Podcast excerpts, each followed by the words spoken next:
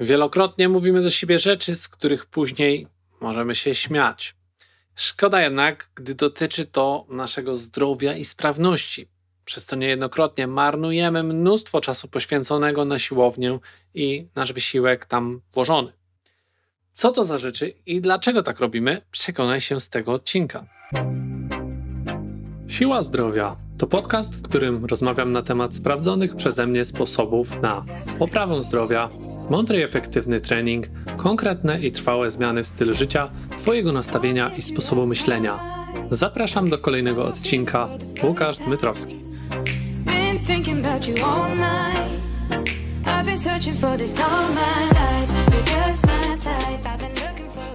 Cześć, to Łukasz Dmytrowski, Siła Zdrowia, czyli prostym językiem o zdrowiu i sprawności. Jeżeli jesteś tutaj po raz pierwszy, zostaw subskrypcję i kliknij dzwoneczek po to, aby nie omijały Cię kolejne ciekawe odcinki. Tymczasem zaczynamy kolejny odcinek dzisiaj.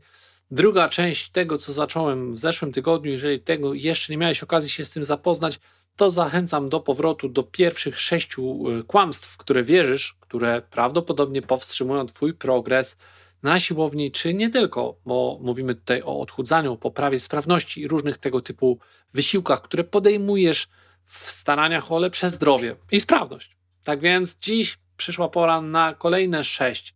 W poprzednim odcinku omawiałem takie kłamstwa jak jak będę miał czas, to wrócę do treningu, czy mm, jeśli tak mocno trenuję, to przecież należy mi się jakaś nagroda i mogę sobie zjeść ten fast food.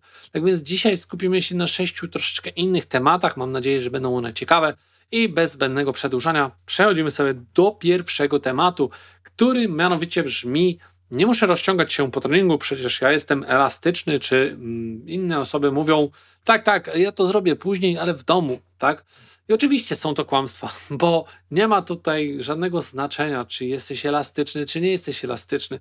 Rozciąganie jest niesamowicie ważnym procesem treningowym i powinno stanowić, moim zdaniem, część składową Twojego treningu. Niekoniecznie być może w tym samym momencie, kiedy taki trening siłowy robisz i tuż po nim może nie być rzeczywiście korzystne, natomiast to zależy, bo jeżeli w ogóle tego nie zrobisz, a ja najczęściej lubię robić to kolejnego poranka po takim treningu, ale zdarza mi się czasami zapominać. To teraz wolałbym, żeby moje mięśnie były bardziej rozciągnięte, niż gdybym miał cierpieć z tego powodu, że zapomniałem przez x razy, tygodni, miesięcy o tym tak prostym, ale jednak trudnym procesie o tym rozciąganiu, którego niektórzy nie lubią, niektórzy gdzieś pomijają świadomie, a inni jeszcze spiesząc się wychodzą z siłowni, ze swojego klubu, ponieważ oszukują sami siebie i wmawiają sobie, że będą to robić w domu.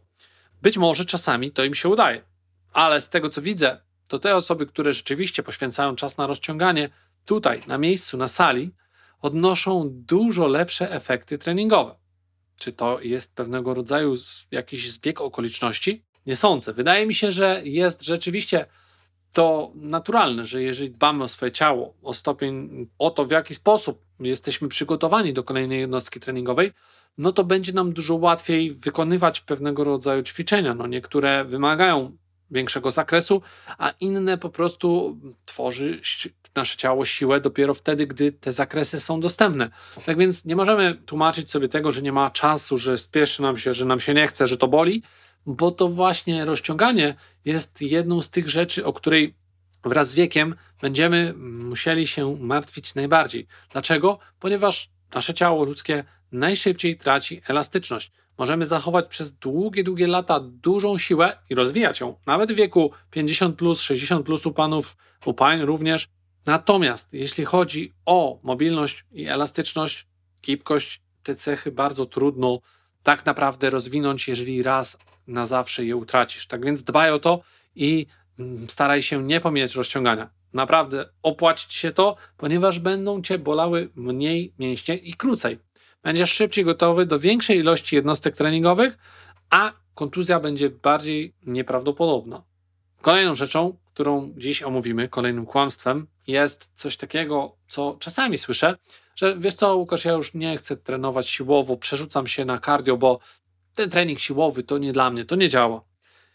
I to jest zawsze zabawne, ponieważ taka osoba najczęściej robi to już po raz któryś, trzeci, czwarty, piąty, i oczekując, że po dwóch, trzech miesiącach będzie miała jakieś niesamowite efekty treningowe.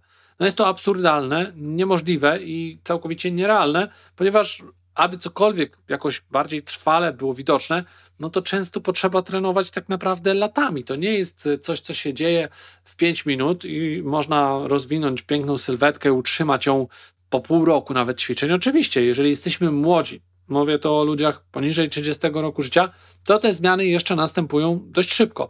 Natomiast już w coraz starszym wieku, szczególnie u kobiet, które no, często po porodzie mają duży problem z tym, żeby wrócić do poprzedniej sylwetki, wręcz często jest to niemożliwe, szczególnie na przykład po cesarskim cięciu.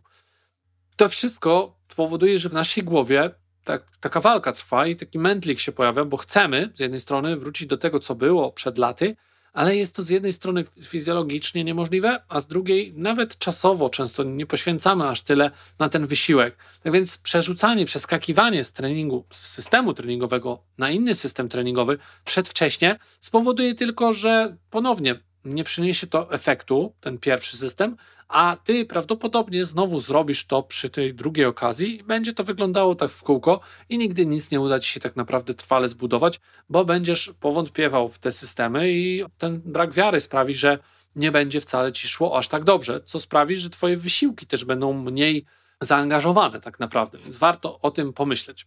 Kolejną rzeczą, która jest też takim kłamstwem, na które bardzo wiele osób daje się nabrać, jest to, że no, tutaj mowa jest przede wszystkim o kobietach, że nie będę trenować siłowo, ponieważ jest to przede wszystkim coś, co jest przeznaczone dla mężczyzn.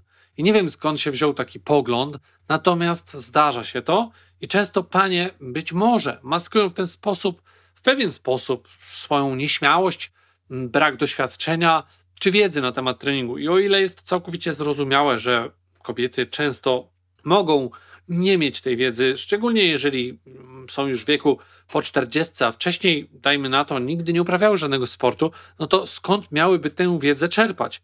Natomiast to nie jest tak, że trening siłowy jest dla jednej płci, a dla drugiej nie, tylko są to pewnego rodzaju stereotypy z zaszłości, z dawnych czasów, kiedy to głównie mężczyźni decydowali się na trening siłowy, a w dzisiejszych czasach czasami mam wrażenie, że liczba kobiet przewyższa ilość mężczyzn.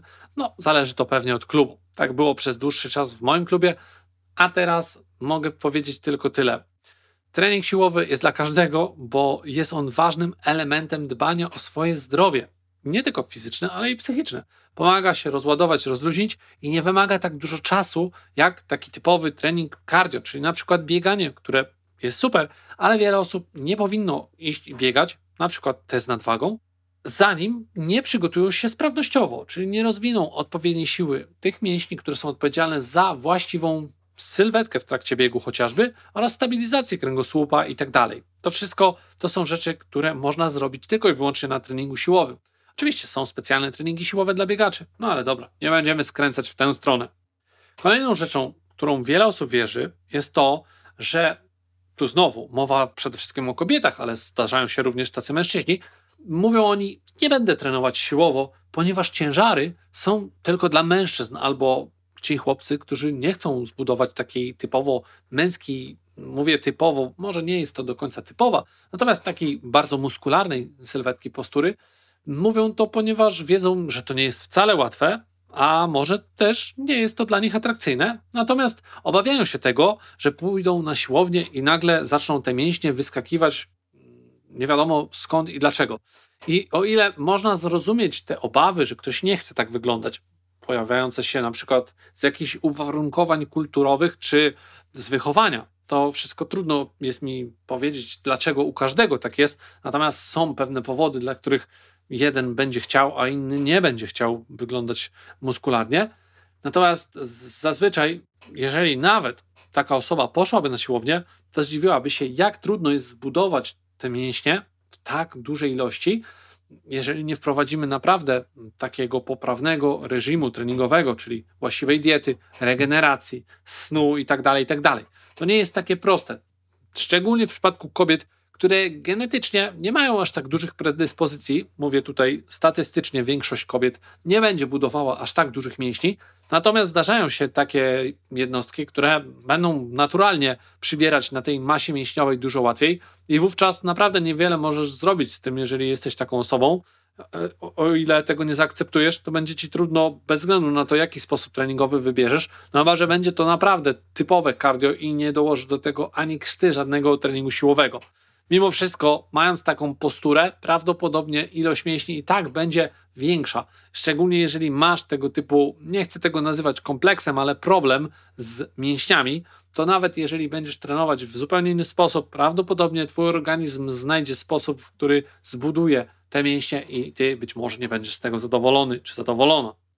No dobrze, to idźmy sobie dalej do naszych dwóch ostatnich kłamstewek, które używa wiele osób, a jest to mianowicie taki mit, że nie powinieneś dźwigać ciężarów, jeżeli masz słaby kręgosłup. I w ogóle, jak tu mógłbym użyć tego zwrotu, to what the fuck. Jeżeli masz słaby kręgosłup, to powinieneś używać ciężarów. Tylko, że powinieneś to zrobić w sposób przemyślany i mądry. I oczywiście zaczynać od jakichś bardzo niewielkich obciążeń, a wręcz nawet stosować ciężar swojego ciała.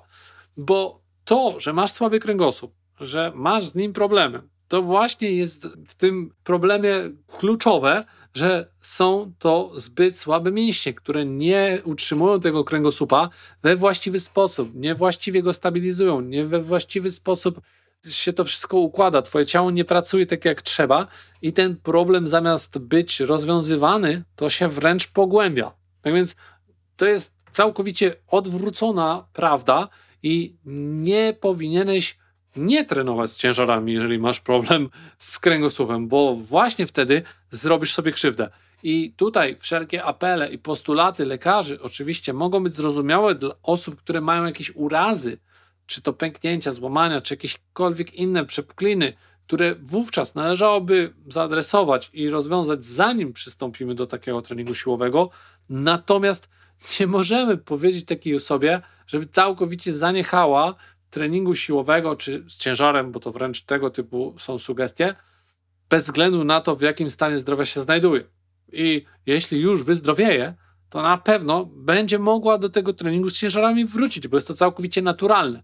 Nie ma człowieka na tej planecie, który nie dźwiga jakiegoś ciężaru, nie podnosi czegoś z ziemi, nawet swojego ciężaru codziennie wstając z łóżka, tak więc czy siadając na toaletę.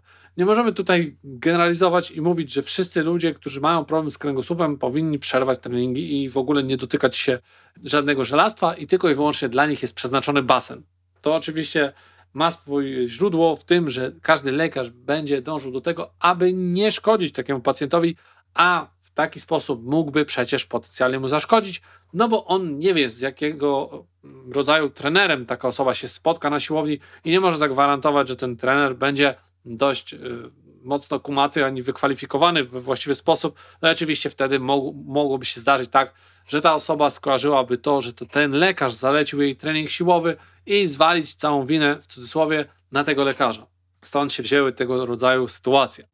No ostatnią rzeczą, którą dzisiaj powiem, to jest y, coś, co też wiele osób ma z tym gruby problem, naprawdę duży, a brzmi to tak, że na początku wydaje nam się, że mamy problem z odżywianiem, tak? Mówisz sobie sam, mam problem z odżywianiem i tak naprawdę zaczynasz w to wierzyć. Myślisz o tym, żeby pójść do dietetyka, natomiast rozwiązanie tak naprawdę zaskakująco często bywa zupełnie gdzie indziej. I tutaj należałoby pomyśleć w kategoriach psychologa czy psychodietetyka, który bardzo często rozwiązuje ten problem, ponieważ problemem nie jest wcale odżywianie. Oczywiście nie mówię dla wszystkich, nie chcę uogólniać, ale bardzo wiele osób nie ma problemu z odżywianiem, tylko ma problem w innej sferze życia, polegający na tym, że coś się dzieje, coś się nie udaje, nie wiem, w pracy, w życiu, w rodzinie, jakaś trauma jest w Twojej głowie od dzieciństwa, w Twojej podświadomości i żeby nie leczyć jej odżywianiem, prawdopodobnie powinieneś zaadresować ten problem. Jaki to problem? To ciężko powiedzieć. Czasami sami nie wiemy, co tam w naszej głowie siedzi. Przydałaby się być może jakaś sesja z psychologiem, z psychoterapeutą, z hipnoterapeutą. Mnóstwo teraz jest tej wiedzy dostępnej. Wyciągnij po nią rękę, zainteresuj się i dowiedz, co może ci pomóc, bo to niekoniecznie problemy żywieniowe są Twoim największym wrogiem. Mam nadzieję, że wyczerpałem w pewien sposób temat tych wszystkich kłamstw, które używamy. Oczywiście jest ich na pewno dużo więcej i mam nadzieję, że nie stosujesz ich nagminnie. Jeżeli tak jest i stosowałeś je, to dzisiaj będziesz wiedział, jak się przed tym wszystkim bronić. To wszystko, co przygotowałem na dzisiaj. Dziękuję serdecznie za uwagę. Mam nadzieję, że to było przydatne, a jeżeli tak, to namawiam serdecznie do subskrypcji tego kanału i łapki w górę. Tymczasem żegnamy się i do usłyszenia już kolejnym razem. Cześć! Dzięki za odsłuchanie tego odcinka. Po więcej zapraszam na stronę siłazdrowia.com. Do usłyszenia!